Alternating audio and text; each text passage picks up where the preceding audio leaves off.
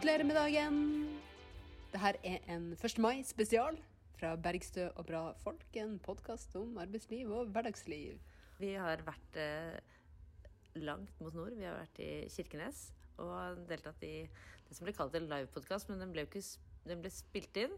Så det, og vi var i livet. Uh, men dette er et opptak av denne samtalen. Og det er en, en Jeg vil gå så langt som å avsløre at det er en veldig interessant samtale. For det er jo en ekstremt fet hovedparole i Sør-Varanger LO. Mm. Og det er de jo kjent for i Sør-Varanger. Både historisk og hver eneste 1. mai så vet de å levere hardt på parolene. Det er jo her den historiske parolen er 'ned med tron, alter og pengevelde', som en gang, eh, som en gang eh, var gjenstand for, eh, for harde kamper eh, på en, en 1. mai tilbake i tid. Eh, med Grubeforeningen Nordens eh, Klippe. Men eh, det blir for langt å få ta hele den historien. Men det vi kan si er jo at er noen som også vet å virkelig liksom markere 1. mai og eh, ta ordentlig i, så er det Sør-Varanger. For vi har vært på rett og slett Ellis i Wessel-dagene. Tredagers festival. ja, politisk festival. For å varme opp, liksom, for, for 1. mai. Og jeg vil også si for, for valgkampen. Og hvis du nå tenker Elsie Wessel, det var noe kjent, men hva var det igjen? Hvem var hun? Så er det en lang historie, og det, du kan jo bruke internett til å lese litt opp, eller kanskje gå i bokhyllen og finne fram Eller et bibliotek, kanskje, og finne en, en bok om henne. Eh, nå skal vi sette direkte over til opptak.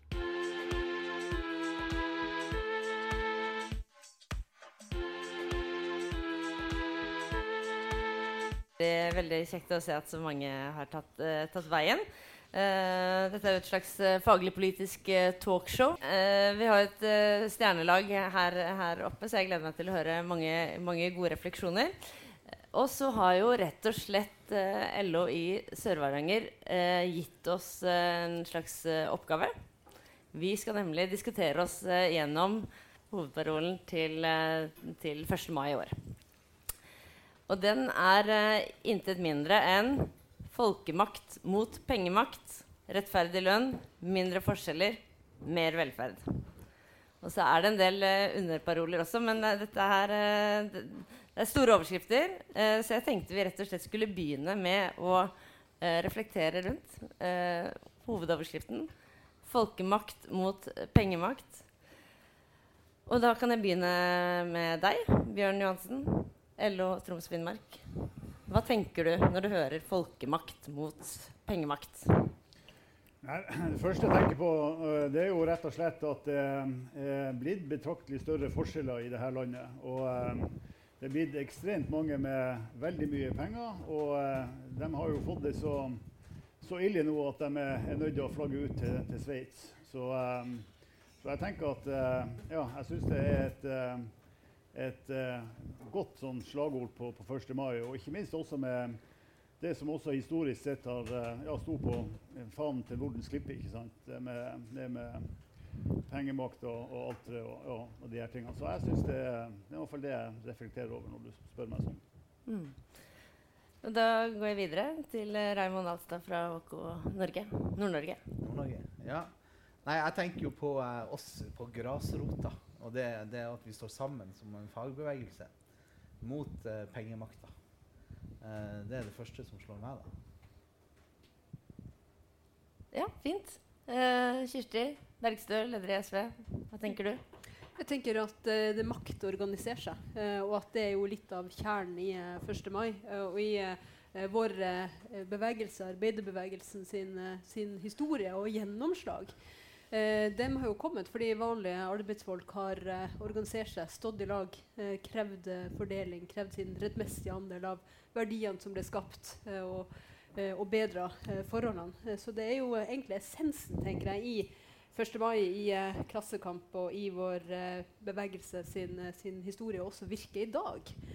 fordi det er jo viktig å huske på det, at det er jo like viktig å organisere seg nå som når de første starta med organiseringer, Nordens Klippe eller andre uh, foreninger rundt omkring i landet.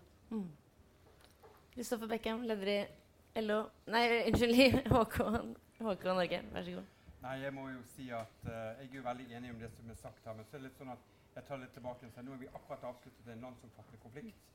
En landsomfattende streik på et mellomoppgjør. Uh, og hvorfor gjorde vi det? Jo, det var jo bl.a. fordi at uh, i fjor så tok altså lederne i de største selskapene 10% lønnsøkning. Og det var 3,7% som var frontfaget.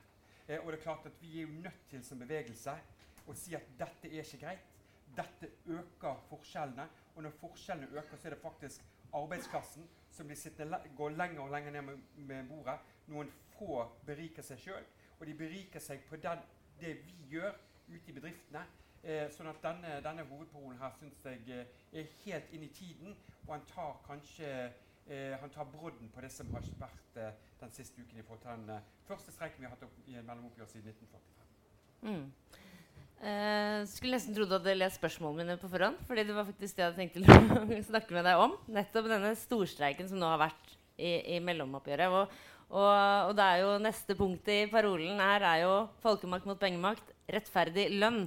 Eh, og hva betyr eh, denne streiken i, som nå er nettopp avsluttet, i kampen for mer rettferdig lønn?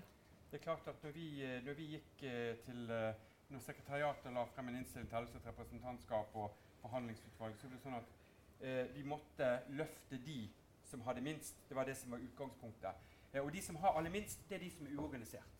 Det er faktisk de som ikke er en del av det organiserte arbeidslivet. De, de blir betalt og glansbilder. Men så har vi en del som er organisert, som har fryktelig lave lønninger. Så vi sa vi skal ha kraftig lavtlønnstillegg for de som har under 90 av gjennomsnittlig industriarbeidere. Det er veldig teknisk, men det er et sånt nivå. Eh, og, de, og, vi klarte altså å få fire kroner. Eh, og det var faktisk et veldig viktig grep. Men da vil jo det generelle tillegget bli mindre. For vi ønsker jo å ha et mindre gap mellom arbeiderklassen. Vi skal jo ikke ha at noen løper ifra. For, det, for vi må huske at de som fikk de fire kronene, det var bl.a. de som vasker i privat sektor. Eh, denne bygningen kunne ikke vært åpen hadde ikke vi hatt eh, eh, rengjøringspersonale. Eh, det er vektere som står rundt omkring som er på sånne lave overenskomster. De fikk fire kroner. De som jobber i bakeriutsalg, fikk fire kroner. Dette er mange av de ufaglærte. De går rett ut i arbeid etter skolen. Og det blir ikke tilrettelagt egentlig for mye, mye etter- og videreutdanning mens i et uh, løp. Så dette var et veldig viktig sånn, uh, grep vi tok. Og jeg må si at uh, jeg var faktisk veldig stolt av å Nå bryter jeg taushetsplikten min, kanskje. Men jeg var veldig stolt av å kunne si nei til den kisten som kom.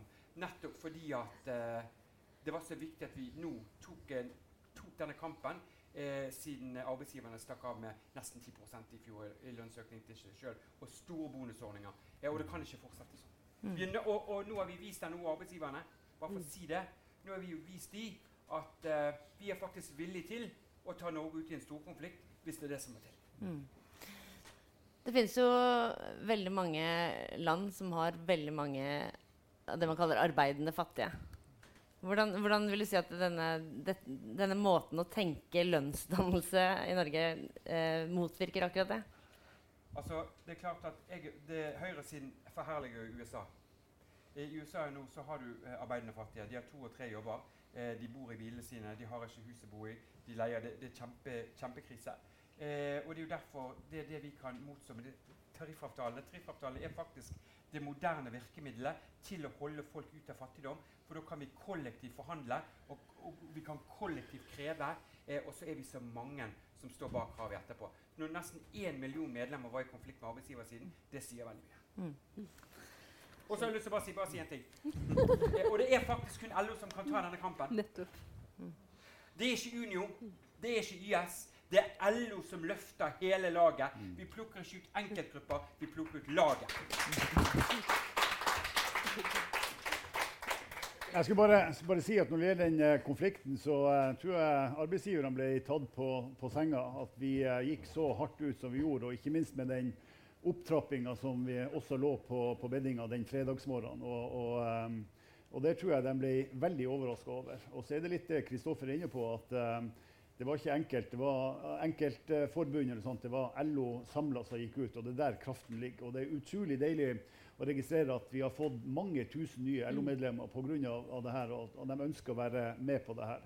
Så har vi lagt merke til en annen ting, eh, og det som gjør meg kanskje aller mest stolt med dette oppgjøret, det er at vi, eh, at vi eh, tok ansvar, og så løfta vi kollektivt de lavest lønte med de tilleggene som Kristoffer nevner nå. Uh, for å, å, minske forskjellene. Og uh, det er veldig rørende å legge merke til at uh, internasjonal fagbevegelse er søkkimponert over måten vi har gjort det her på. Så det er der nøkkelen ligger. Så, så, det er det her med at vi er nødt til å stå på videre for å, å, få folk til å organisere seg. Og ikke minst i disse lavtlønnsgruppene, så at vi får dem heva opp. For vi er på full fart også i Norge med at folk faktisk ikke får endene til, til, å møtes, må ha flere jobber. Mm. Kirsti, du stemte. Ja, eh, fordi det, det, er jo veldig viktig nettopp det at det bare er fagbevegelsen som kan ta akkurat den kampen. Eh, fordi lønnsdannelsen det er partene sitt bord. Eh, og, eh, og, det er bare der man kan få den fordelinga eh, som trengs, og få opp eh, de, de lavtlønte. og jeg har lyst til å gratulere alle landets tillitsvalgte. Det er helt fantastisk å se hva man har fått til, og også se den medlemsveksten. Men jo kampen mot ulikheter i, i, makt og rikdom er jo også mer enn lønn.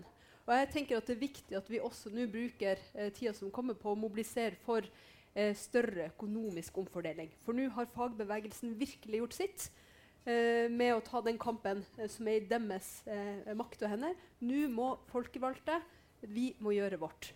Eh, fordi det er veldig mange som ikke er lønnsmottakere, og som sliter med å få få endene til å møtes eh, også. Og det er jo både enslige minstepensjonister som må hoppe over eh, varme måltid, som gruer seg til jul og må snu på krona når barnebarnet har bursdag.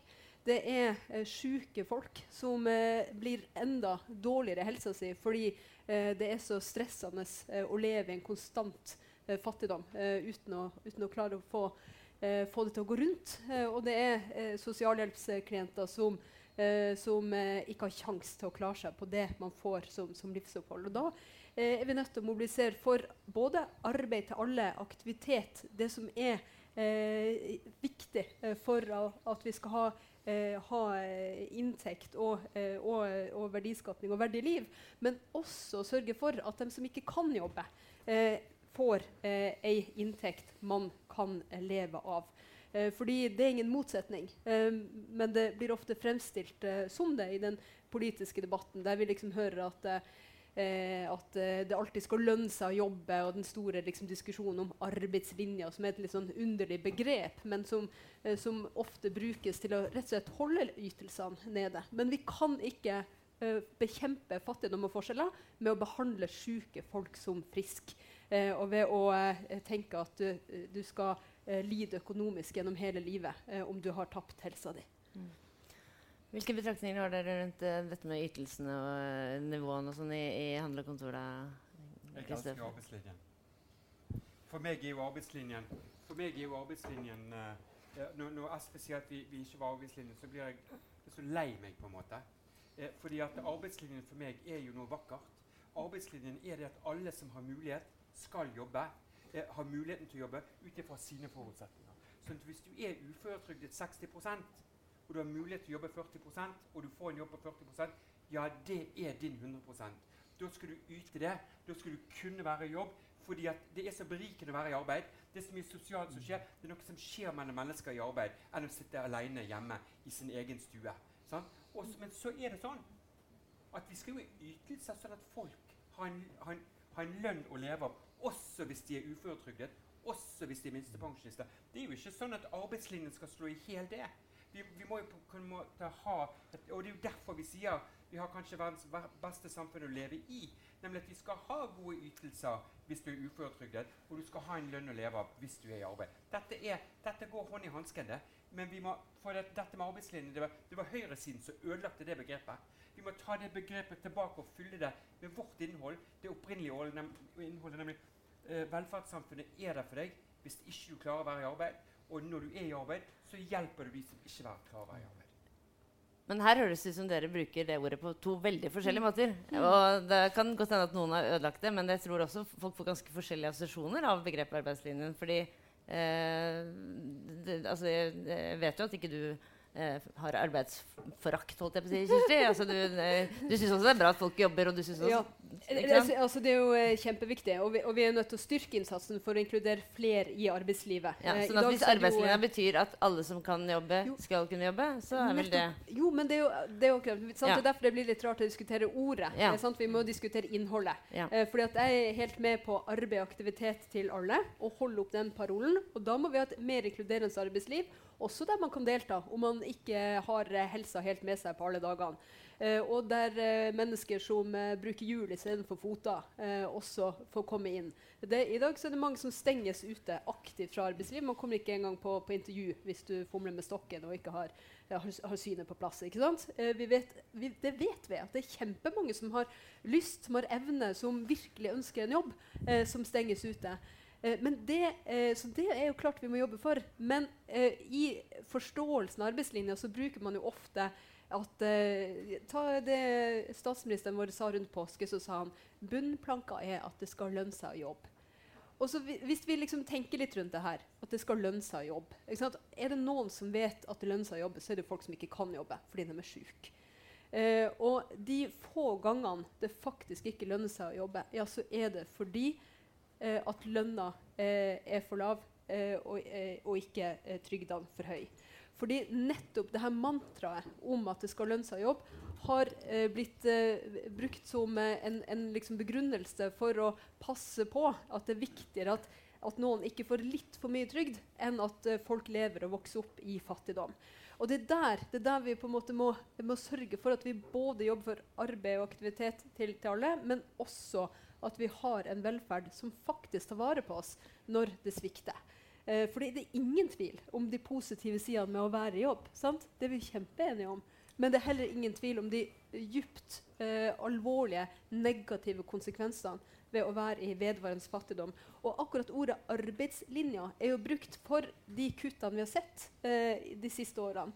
Eh, når eh, de eh, fattige uføre fikk kutt i, i barnetillegget sitt, ja, så var det fordi at det kunne hende at noen ut av de fikk litt mer eh, på den måten enn om de hadde en eh, tenkt potensiell jobb. Men det er jo sjuke folk vi snakker om. Så derfor kan man ikke ha det tankegodset der. Og jeg beskylder ikke deg for å ha det. Eh, men at det, det blir en del av det. fordi at gjennom 90-tallet og så, videre, så har man fått spist inn sånne her insentivtanker i velferden vår. Og det er en styggedom. Eh, fordi det, gjør, eh, det liksom behandler syke folk som friske eh, på den måten at, eh, at hvis du ikke eh, klarer å jobbe, ja, så skal du, så skal du sultes ut. Da Erna, når, når Erna Solberg tok brillestøtten til de fattigste, da gikk fagbevegelsen på barrikadene. Når Erna Solberg tok vekk tilleggene til disse barnefamiliene som var ufør, så gikk fagbevegelsen på barrikadene. Det, dette er jo ikke, har jo ingenting med arbeidslinjen å gjøre. Dette har jo det velferdssamfunnet må stille opp for de som ikke har til å klare seg. Det er jo det vi skal, og vi skal jo ikke ha fattige folk. Eh, du skal jo ikke bli fattig av å ha, få, få, gå på, få en ytelse av det offentlige. Jeg tror Kirsti og meg er veldig enige. Jeg tror vi bruker bare litt forskjellige ord. og vi ligger litt forskjellige. altså, For meg er jo arbeidsliv noe positivt. For hun kan arbeidslinjen være noe negativt. Men det er ut ifra hvordan skal du fylle dette? Mm. Hvordan er tankegodset rundt akkurat dette? Og det er der jeg tror fagbevegelsen og venstresiden, de politiske partiene, egentlig bør sitte seg ned og se hvordan skal vi skal vi omdefinere noen av disse begrepene? Hva, hva skal vi gjøre? Sånn at vi snakker Sånn at folk forstår at ja, de mener jo faktisk det samme. De har bare litt andre ord på det. Da tenker jeg vi skal gå videre, for da konkluderer vi med noe sånt. så går vi videre til eh, en ting jeg ville spørre deg om, eh, om Raymond, siden du eh, representerer eh, HK Nord-Norge. Eh, fordi da streiken brøt ut, eh, så, så tenkte jeg at eh, vi er jo i en dramatisk tid. Vi har eh, skyhøy inflasjon. Eh, deler av Norge har veldig høye strømpriser. Det er, det er mange, som, mange som sliter. Vi ser matkøer som vokser osv. Eh, og, da, og at man da i tillegg eh, går til streik. Altså, hvordan, eh, hvordan så, så dine medlemmer på det? Var det, var det, var det ønsket? Det er jo klart, det er jo tøft, da.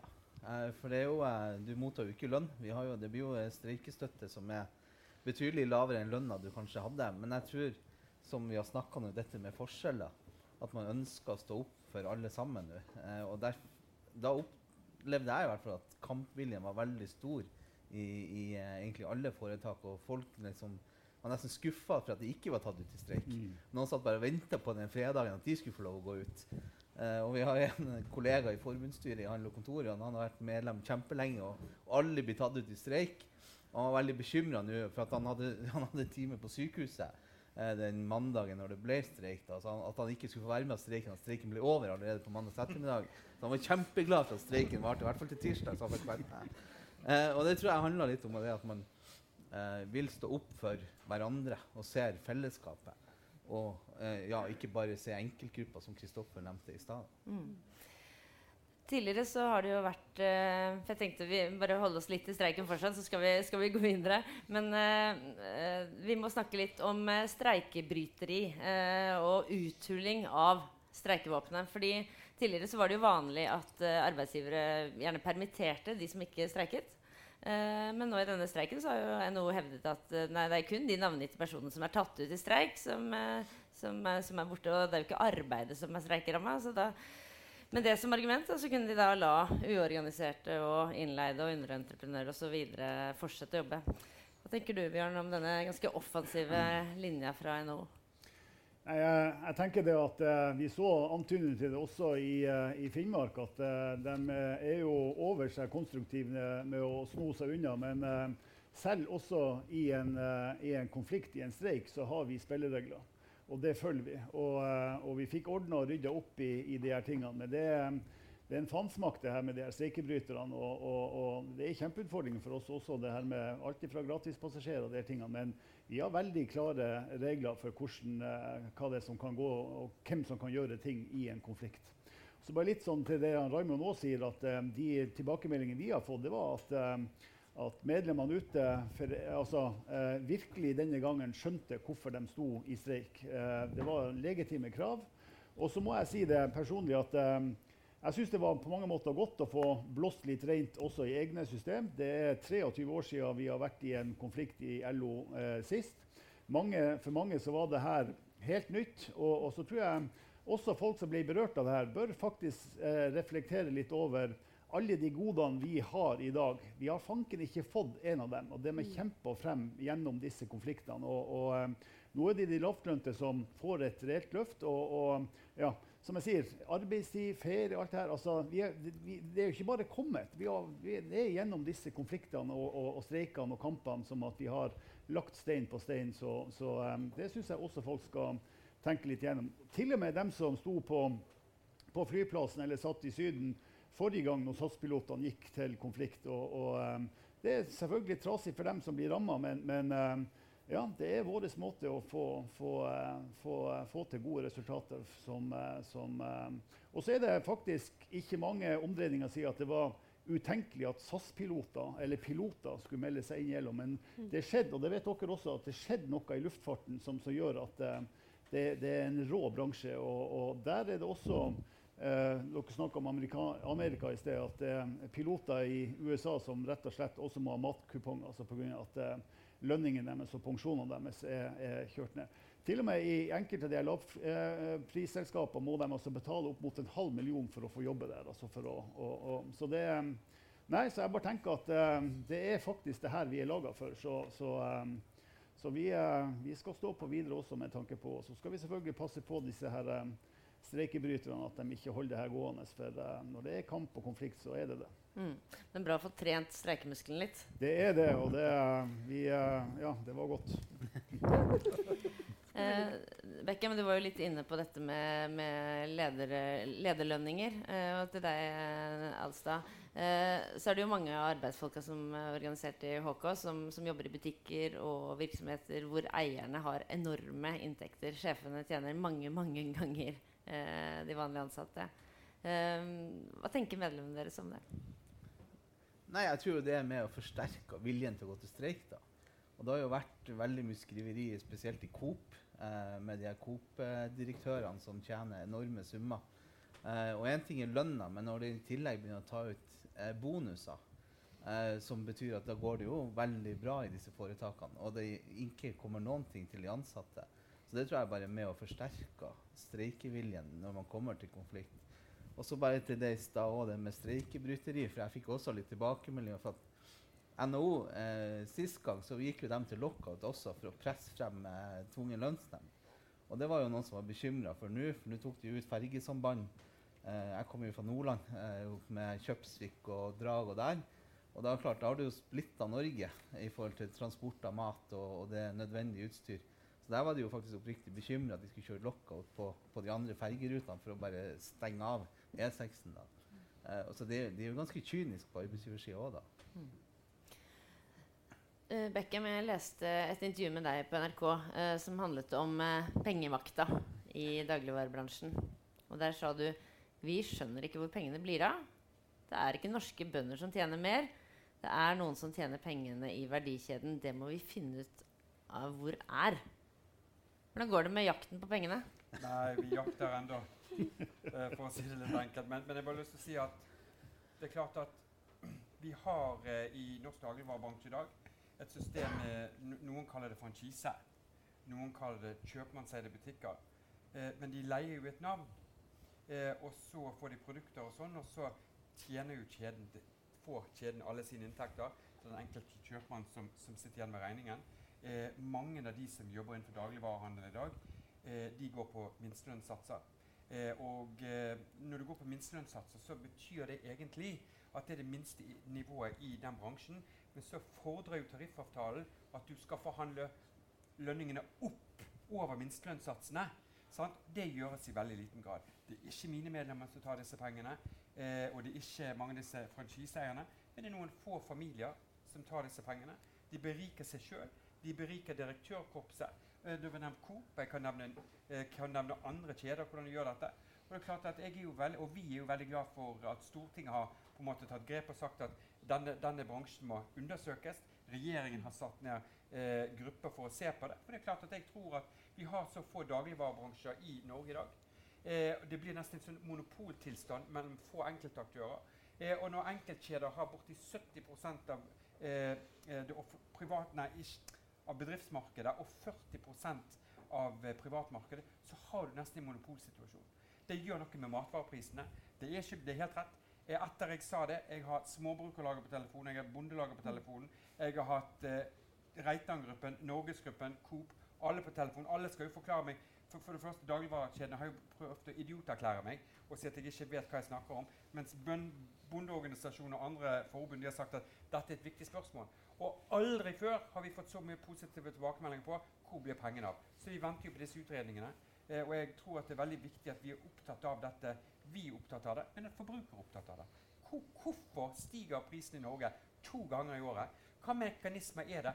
Hvorfor kan Orkla få så mange milliarder i overskudd hvis ikke det er penger innenfor eh, matvareindustrien? Hvorfor er det enkeltfamilier som beriker seg? Det er masse spørsmål her. Det er en kompleks diskusjon eh, uten et enkelt svar. Men at vi er nødt til å finne pe hvor pengestrømmen går, det er veldig viktig.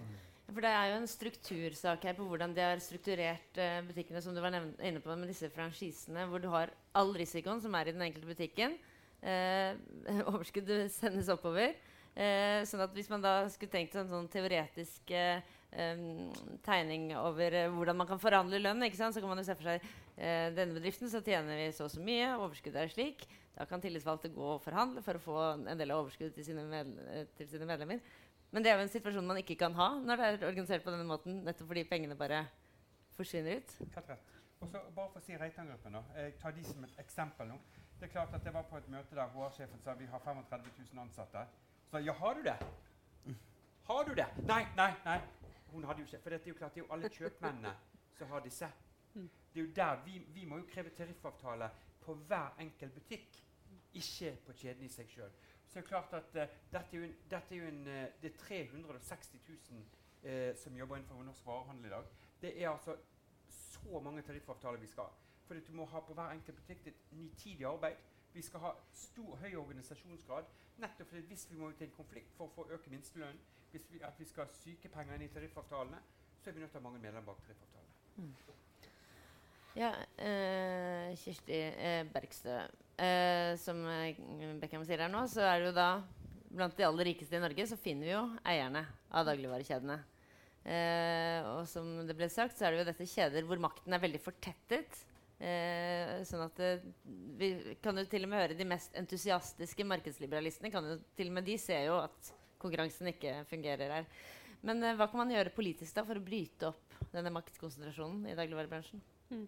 Altså, det jobber vi jo for å gjøre eh, nå. Eh, men, men, jeg vil bare si at når man blir forsøkt idiotforklart fra de liksom, mektigste kapitalkreftene, da er man ofte på rett spor.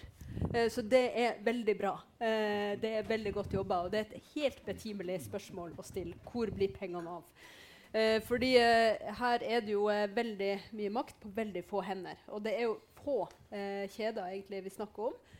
og vi har stilt spørsmål med hvor er egentlig liksom konkurransen her. Eh, fordi, eh, fordi eh, vi ser at kontrollen også blir mye større på alle måter. Altså egentlig fra jord til bord.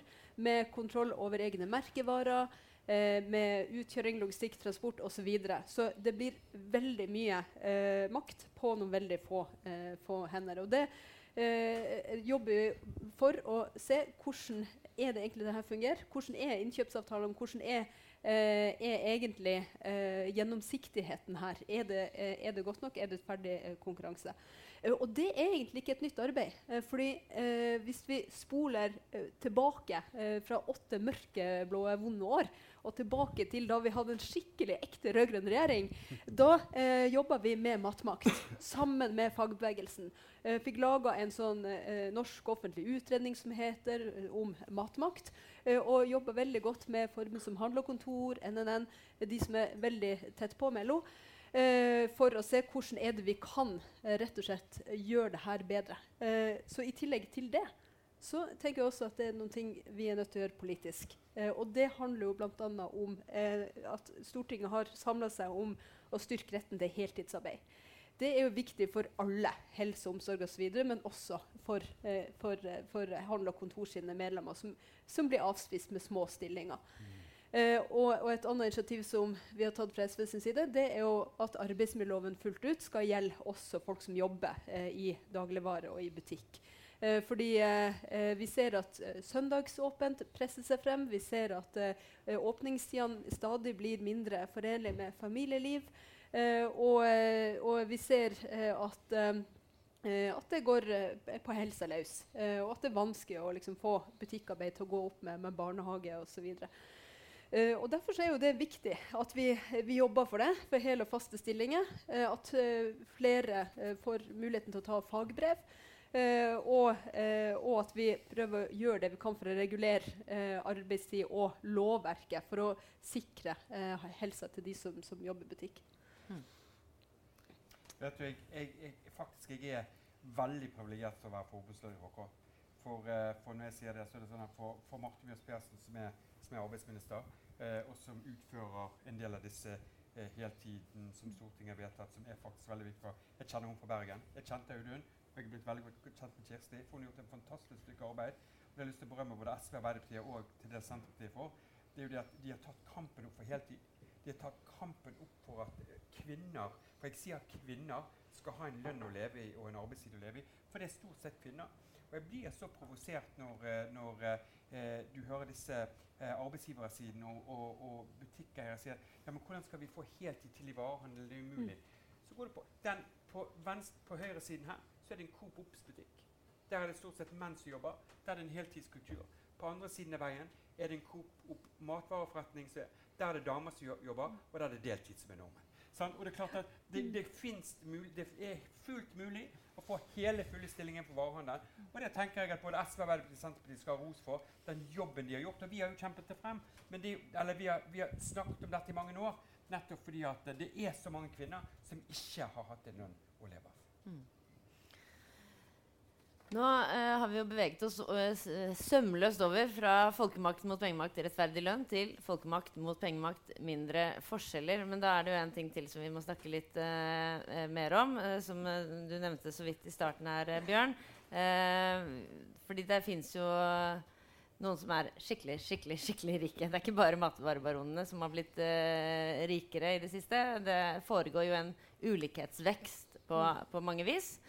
Uh, ifølge forskere ved Statistisk sentralbyrå så har reallønna eh, for oss vanlige lønnsmottakere økt med 41% siden år 2000. Samtidig har den samlede formuen til de 400 rikeste her i landet blitt firedoblet. Og mens vi lønnsmottakere betaler eh, rundt 30-40% i skatt og avgifter, så betalte da de 400 rikeste 8% i skatt i 2021. Og, men det, det, er jo ikke nok for dem. De skal jo flytte til Sveits likevel. Det driver de jo med. Det er flere titalls av de superrike norske som har gjort det. Uh, og da, da, tenker jeg da må vi gå til uh, den folkevalgte her. Hva, hva ville du gjort, Kirsti Bergstø, hvis du hadde flertall for å rydde opp i dette her? Hvor skulle du begynt? I dette her? dette her uh, I forskjellsveksten? Den enorme akkumulasjonen av rikdom mm. på toppen. Det er jo flere ting vi må gjøre. Eh, vi jobber jo for å få tetta de her skattehullene, sånn at det ikke skal være veldig lukrativt å stikke ut av landet. Eh, fordi det er jo noe uh, det, er, det, er, veldig rart å høre Høyre nå. fordi Kåre Willoch han var ramsalt i kritikken av dem som hadde blitt rik i Norge, og som valgte å forlate landet, som hadde gjort det mulig for dem å skape sin rikdom. Eh, Nå er Høyre veldig sånn stille og fislete på om de i det hele tatt eh, er med på eh, å stenge eh, skattehullene eh, til de som, eh, som har fått det så vondt og vanskelig i, i, formuen sin at de drar til, til, til Sveits. og det, det, sier noe om, om, hvor vi er på en måte i klimaet her. Og så sier det om hvem som har satt premissene. fordi at de aller rikeste de har fått lov til å definere det her ut fra sin virkelighetsbeskrivelse i altfor lang tid. Fordi det er veldig mange som lever i en tro på at vi i Norge har et så um, progressivt skattesystem. At vi har et rettferdig skattesystem. At her er det sånn at vi, uh, at vi liksom yter etter evne og får etter behov. Uh, men hvis du ser på uh, hvem, hvor mye vi betaler i skatt, så betaler jo de aller rikeste en veldig liten andel i forhold til hva vanlige lønnsmottakere gjør. Eh, på, på sin, sin, inntekt. Og hvis da skattemoralen skal være på plass for eh, liksom, vaktmestere og, og renholdspersonell og, og, og, lærere og alle andre i samfunnet, ja, så må man jo eh, vite både at selvfølgelig man får velferd tilbake, sånn som kontrakten er og modellen vår er, men også at det er et rettferdig system. Eh, og Derfor så har vi mye å gå på på omfordeling. Og sikre at de som har mest, faktisk eh, betaler eh, mer. Eh, og det skal selvfølgelig ikke gå utover bedriftene eller arbeidsplasser. Eh, men, eh, men, det er det eh, veldig mange får det til å, få det til å høres ut som når vi diskuterer f.eks. For formuesskatten, som veldig få eh, i landet eh, betaler. og som, hvis det ble fjerna, så ville veldig mange av landets aller rikeste rett og slett være nullskattytere. Så det er jo derfor Høyre er i den spisse enden eh, og kritiserer formuesskatten og økning i den. Eh, men de, de, vil jo heller ikke fjerne den helt, fordi det vil jo være dypt urimelig. Eh, så hvis du ser liksom på hvilke land er som virkelig har progressive eh, skattesystem, så er ikke Norge særlig høyt oppe. altså. Men ligger det en litt sånn grunnleggende hva skal man si, ideologisk eller uh, kanskje ikke filosofisk, da, men forståelse av hvordan verdier skapes her til grunn? For, altså, I sted, Kristoffer, da du snakket om eh, hvordan, hvordan, disse dagligvarebyråene har blitt så rike der Eh, svetten, den størkende svetten av arbeiderne i butikkene. ikke sant? Eh, mens, mens, de superrike som drar til Sveits, de, de, føler seg jo veldig berettiget. De har jobbet hardt og tjent disse pengene, og nå skal det gårde. Er det, er det en slags forklaring? Nei, men det er jo, det er jo den fortellinga de vil eh, fortelle sjøl. Det er det jeg mener med at de har fått satt eh, premissene. Fordi hvem er det som skaper verdiene? Jo, det er jo vanlige arbeidsfolk som gjør det.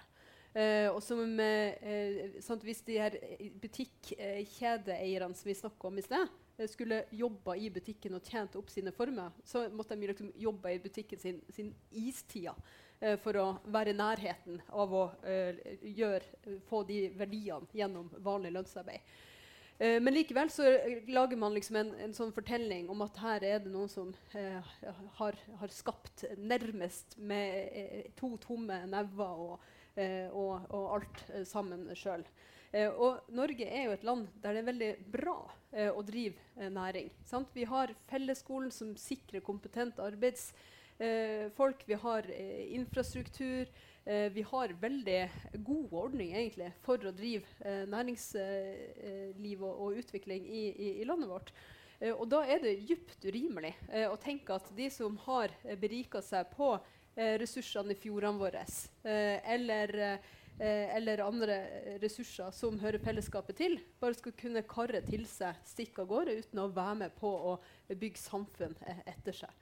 Eh, og eh, det her eh, er det jo ikke første gangen at SV kritiserer. vi hadde jo nylig landsmøte, og der ble jeg valgt som, som partileder. Og da eh, hadde jeg en liten eh, hilsen til han Røkke.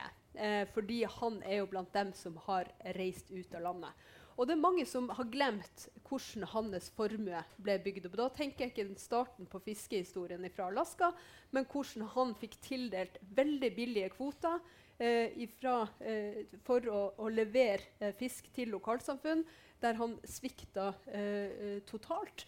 Og var med på å legge premissene for enorme endringer eh, i eh, fiskeripolitikken i kystsamfunn, der flere tusen arbeidsplasser gikk tapt. Eh, og det er samfunn som aldri har reist seg ordentlig og ikke fått ressursene på land eh, og skapt arbeidsplassene som eh, man skal ha når man har fisk og fellesskapets ressurser rett utafor stuedøra. Og, og, og, det raseriet der, det, det, kjente jeg skrekkelig på da han sa 'hasta la vista', nå stikker jeg av gårde med alle mine fuckings milliarder. Uh, og, og, uh, og, ikke ville på en måte dele uh, mer med det norske fellesskapet. Da kom det der mm. raseriet av røkkeranet tilbake. og det er det jo mange som har glemt i dag. Hvordan er det man blir rik? og hvordan er det man, han har liksom berika seg på fellesskapet og på en fortelling om både svik og, og mangel på, på å levere på løfter og leveringsplikt.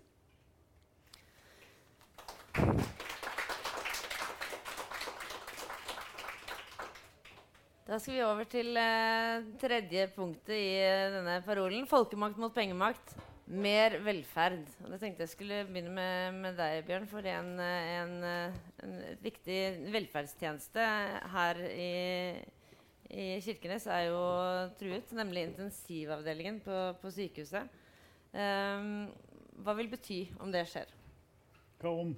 Om intensivavdelinga eh, legges ned? ja, det vil ha dramatiske følger. Og, og um, jeg opplever jo at uh, lokalbefolkninga, folk i Øst-Finnmark, er rett og slett bekymra for det. Og, og, det har noe med, med sikkerheten og, og uh, ikke minst hva er alternativet? Det er 80 mil til Tromsø og 50 mil til Hammerfest. Så, og så tenker jeg, jeg har jobba mye med det der i lag med veldig mange, også i LO-systemet.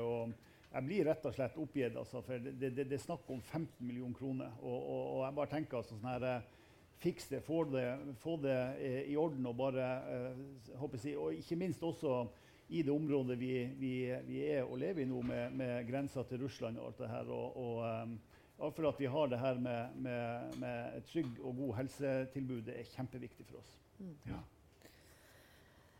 Det er jo øh, Vi skal gå litt mer inn på mer sånn klassiske øh, velferdstjenester også. Men bare, øh, siden, siden, du er godt lokalkjent her, så er det en annen, en annen parole òg, som går på infrastruktur, som jo var et ord som ble nevnt her. Det er jo en parole som kanskje ikke er en veldig sånn klassisk 1. mai-parole, etter mitt skjønn kanskje, som er her i år. Ny vei til Pasvik nå! Er det, er det, en klassisk arbeiderkamp? Ja, nei, eh, jeg håper å si Samferdsel er viktig for, for tror jeg, stort sett alle politiske partier. Men uh, så Pasvikveien er jo, for Jeg sitter også på fylkestinget, og det er jo også noe vi, vi jobber med. Men uh, vi jobber også opp mot noe uh, i et sånn sikkerhetsperspektiv å, å, å, se på. For um, det nytter ikke med mer kule og krutt hvis du ikke har veier til å frakte deg på. Og, og um, Pasvik er kjempeviktig, ikke minst for innbyggerne og næringsliv. og alt det her, så, så um, så vi gir oss ikke på det, det her. Og spesielt her i Øst-Finnmark med de sanksjonene vi har hengende over oss. at um, nå må det pine meg begynne å skje noe her nå. Altså, det, det nøtter tida til å komme opp fra lytte er over. Nå må det leveres. Og da tenker jeg samferdsel er en av de tingene som faktisk er nødt å leveres på nå. Så jeg er fullt klar over dere på Stortinget at um, dere har ekstraregninger i søkk av kanon med krig, eh, eh flyktninger, eh, strømstøtteordning og alt det her. Men, eh, men, vi trenger nå noen, noen eh, stolper inn her i forbindelse med, med, med samferdselsprosjekt eh, i vår region. For unnskyld at jeg sier det, det ser tynt ut nå. Mm. Og da er Pasvik viktig. Mm. Jeg bare tenker Follobanen, jeg vet ikke hvor mange milliarder på de minuttene de sparer. Så jeg syns det er kjempeartig for dem at de får det. Men, uh, det, ja, men mitt poeng er bare at det, det, sier meg bare at det finnes penger i systemet, og da må vi faktisk også uh, også bruke det. Og så er det en annen ting som eh, provoserer meg grenseløst. det er at de legger ned disse her eh, samfunnsøkonomiske eh, eh, begrepene sine med om det er lønnsomt eller ikke. Mm. Og det, det, må jeg si. Det, det, til og med ny innfartsvei til Tromsø eh, to, tok de tommel ned på for at det var ikke samfunnsøkonomisk lønnsomt. Og det, og det er ikke sånn du bygger landet. Kirsti, mm. altså, jeg, jo, jeg, kom med samme fly som han samferdselsministeren i går. Så jeg spurte om han skulle ha skyss eh, inn til, til byen. da. Eh, men da sa han at han hadde leiebil. Så sa jeg men det er jo jammen bra, for du må jo sørge hver millimeter av den Pasvikveien. Eh, for den må jo vi få ordna opp i. Eh, og det, eh, han er jo fullt klar over hvor viktig det er.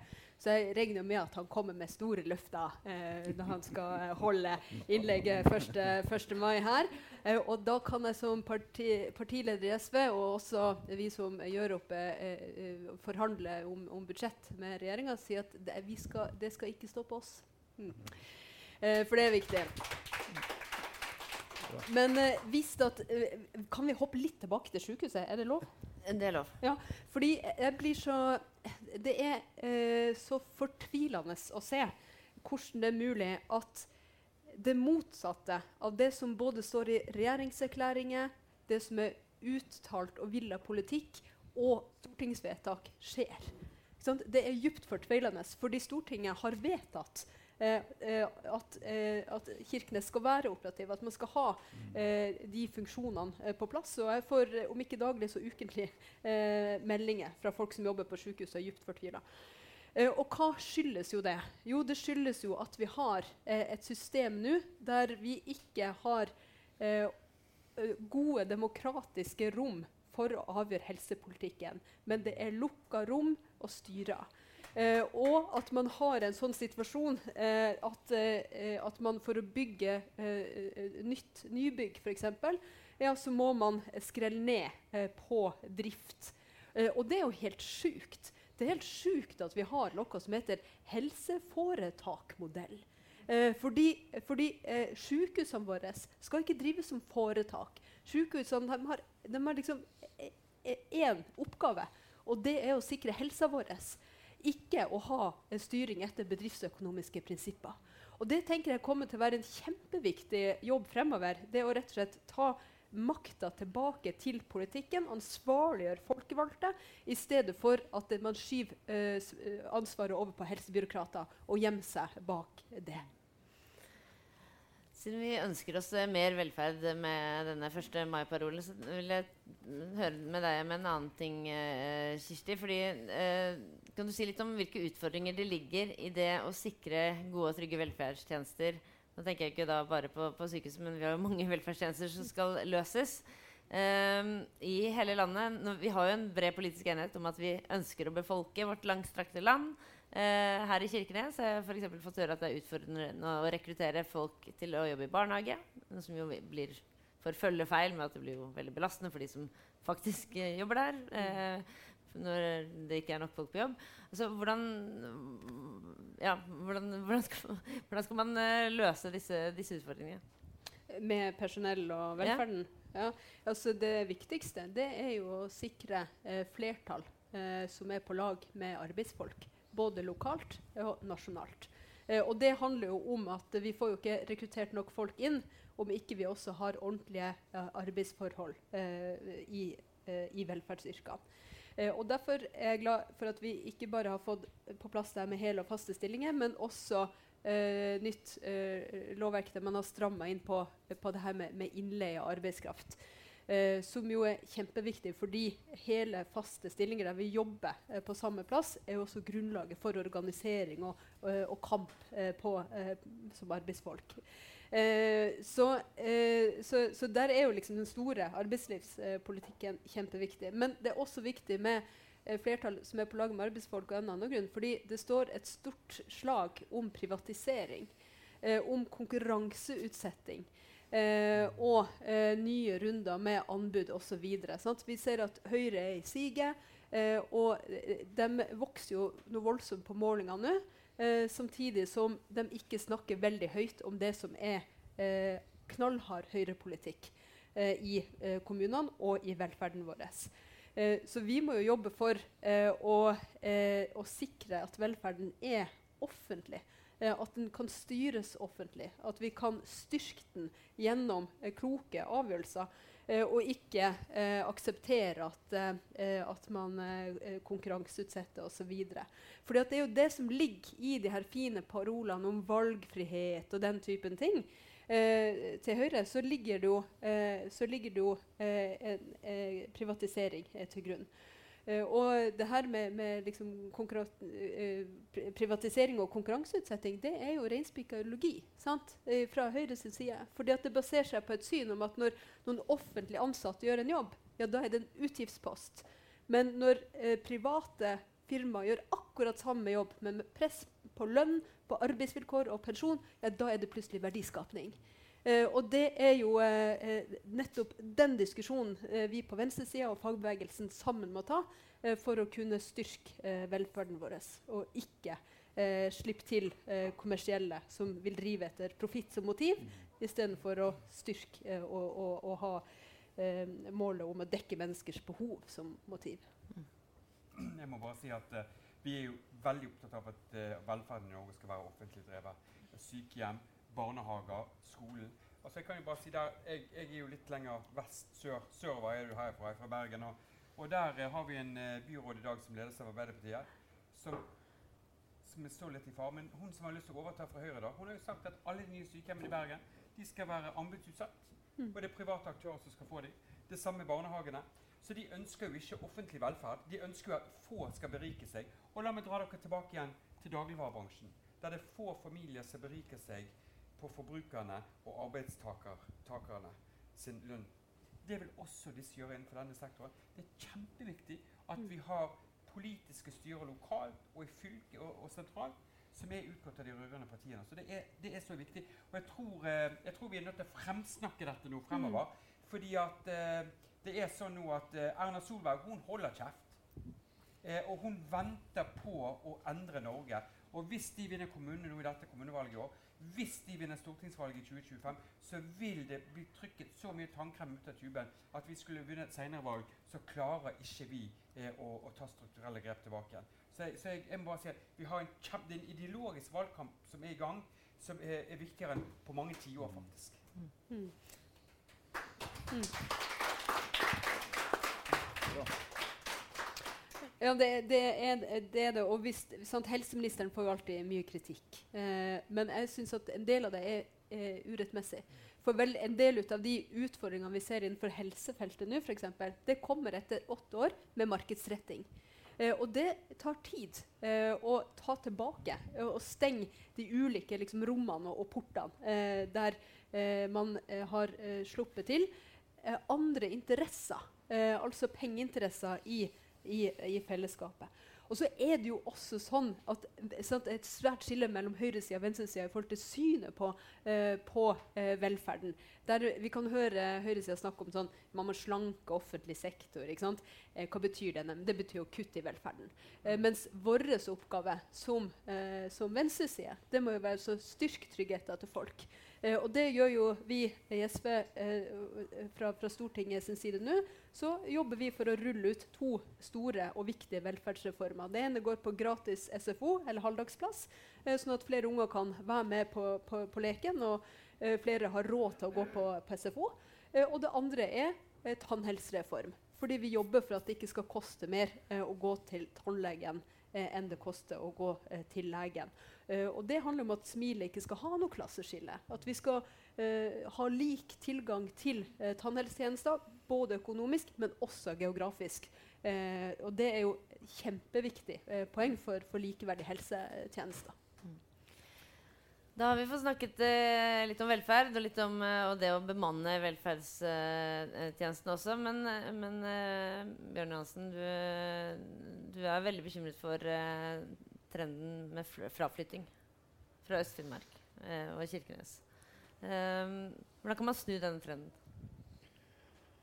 Nei, jeg tror det er mange ting som må, må, må skje, da. Men uh, jeg er såpass enkelt satt sammen at uh, hvis folk, folk, ikke har arbeid hele året, så, så de. Da flytter de. Det så vi inne i salen her uh, november 2015, når gruva gikk konkurs. Over 400 stykker uten arbeid. Eh, det var en torsdag, og, og, og, mandag så var de beste fagarbeiderne eh, på anlegg borte. Altså de, de fær, de flytter. Og hvis ikke vi nå klarer å, å få, flere, få, opp mer aktivitet eh, eh, og, stoppe og snu det her, så, så, så, skjønner jeg ikke hvordan de snakker sikkerhetspolitisk om at eh, det er viktig at det bor folk i Øst-Finnmark også sånn sikkerhetspolitisk. Men uh, jeg vet bare ikke hvem det er Forsvaret og politiet skal passe på her borte med, hvis ikke vi nå får stoppe og snu det her. For nå har vi de sanksjonene hengende over oss, og jeg er alvorlig bekymra hvis ikke vi nå klarer å få få stoppa det her og så, ja, rett og slett få noen stang inn ikke sant? Og, og får opp økt aktivitet, så, så, så fær folk, så flytter folk. Og det som skremmer meg nå, det er at um, før var det bare tall. Nå er det forferdelig mange jeg kjenner som, som pakker og drar. Og det, det, er ikke bra. Jeg har bodd her i 23 år og, og um, stortrives, men det er jo som sagt um, det her med, med arbeid hele tida. Så er det veldig bra det dere har gjort, det her med gratis barnehage og, og, og avskriving av studielån. men men jeg bare tenker at eh, arbeid er, er kjempeviktig, og at folk, eh, for å kunne tiltrekke oss. Og, jeg håper og tror at våre ungdommer Det er kanskje der vi har feila. Våre ungdommer tar utdannelse. Jeg har sjøl kjørt den ene dattera mi ned til, til, Tromsø nå og begynte på universitetet. og alt det her, og La dem dra ut og studere. Men vi har vel kanskje feila det her med å ha interessante og gode arbeidsplasser til dem å komme tilbake til. Mm. Så der må vi, eh, der må vi uh, gjøre, en, uh, gjøre, en, jobb. for um, jeg tenker Vi eh, har masse naturgitte fortrinn som eh, skulle tilsi at vi skulle, eh, skulle, klare oss veldig bra her oppe. Men da er det at vi, vi må få, få, i gang disse arbeidsplassene. Men du, du, du, er jo veldig opptatt av at det rett og slett gruva skal opp igjen? Og, ikke bare det. Ikke bare det. Nei, nei da, det, nei, der, der, er jeg ikke. For um, vi har vært et samfunn som har uh, hatt en gruva som, som hjørnesteinsbedrift, og vi skal ikke tilbake dit. Men eh, jeg håper og tror at gruva kommer i gang. Jeg håper og tror at vi klarer å utvikle eh, også flere eh, interessante nye bein å stå på. For vi skal huske på det samfunnet her. Vi har fått altså tre slag over kjeften. Det ene var i 2015, da gruva gikk konkurs. Og så bygde turistnæringen seg opp. og det var noen her som sier at uh, sneen var den nye oljen. Og alt det her. Og så kommer plutselig uh, pandemien, og så fikk vi et nytt slag over kjeften. Og så jobba vi videre og sto på og, og, fikk bygd opp det her igjen. Og, og, og, så blir det altså den døra til Russland smurt igjen. Um, og det er klart at da må vi rett og slett omstille oss enda en gang. Så, um, så, uh, nei, så jeg tenker at uh, og Dette er også et samfunn som har stått med, med, ryggen til havet. Kanskje bør vi også både se den veien, men også mot Nord-Finland og Nord-Sverige. og, og, og for å kunne tiltrekke oss og utvikle eh, nye, eh, flere bein å stå på. Mm. Men hvis, hvis, vi skal få flere arbeidsplasser her i Øst-Finnmark, så er det helt klart det er én ting vi er nødt til å gjøre. Vi er nødt til å sikre kraftforsyningen til regionen og til landsdelen. For hvis ikke vi klarer å sikre kraftforsyning og klarer å sikre kraft og, og bygge disse linjene, så klarer vi ikke, ikke å ha næringsutvikling. Det er faktisk sånn at i dag er det ikke nok strøm i Kirkenes til at jeg kunne startet en pølsebod hvis jeg ville. Jeg ville fått avslag på den søknaden.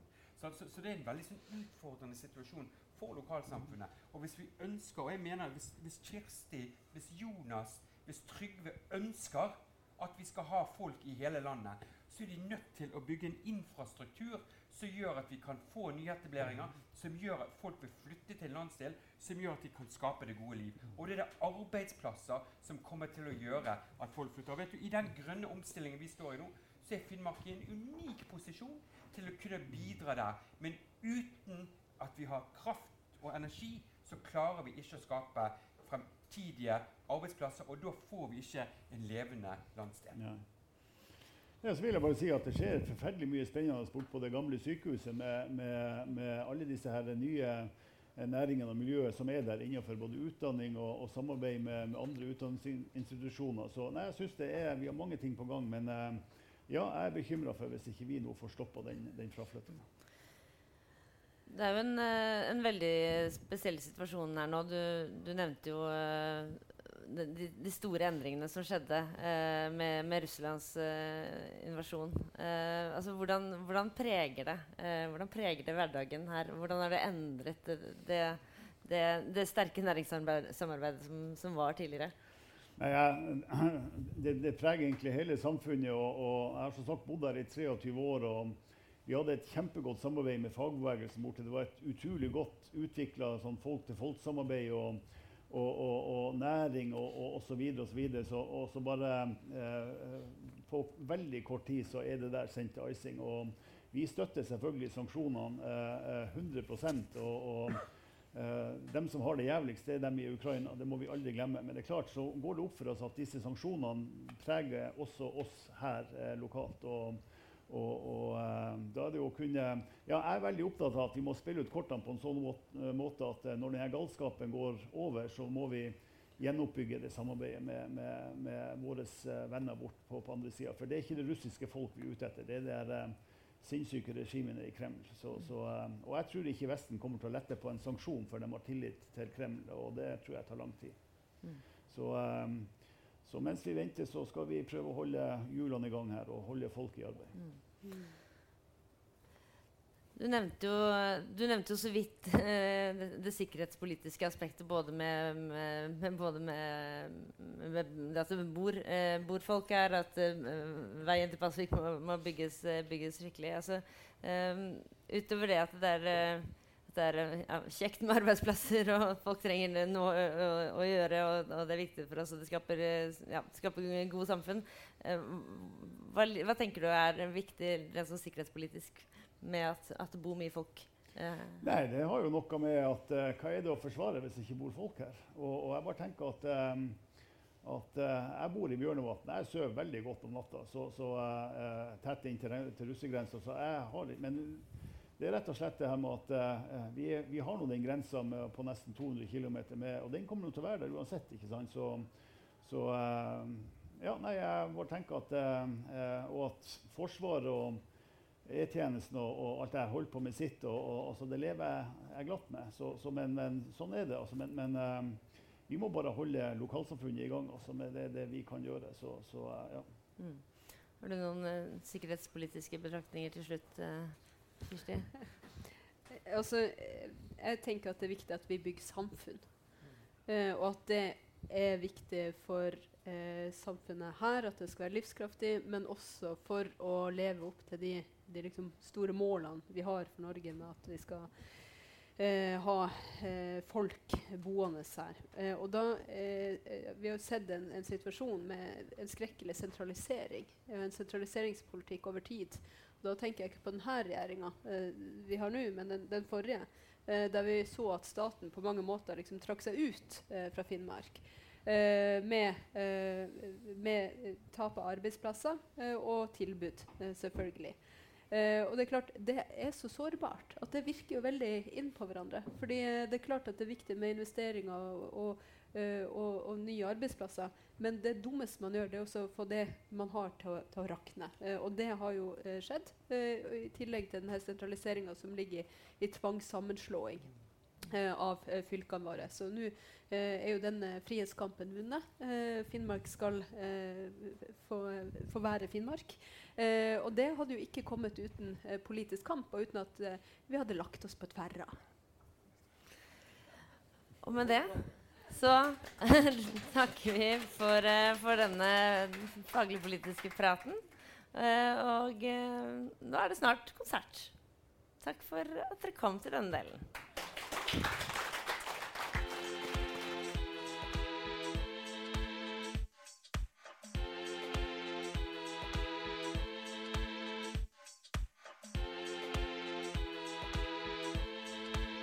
Da sier vi eh, tusen takk eh, for praten, samtalen, eh, kampen i Kirkenes. Vi avslutter nå. Vi kommer ikke til å høres ukentlig fremover, men kanskje vi er tilbake med en spesialsending helt plutselig.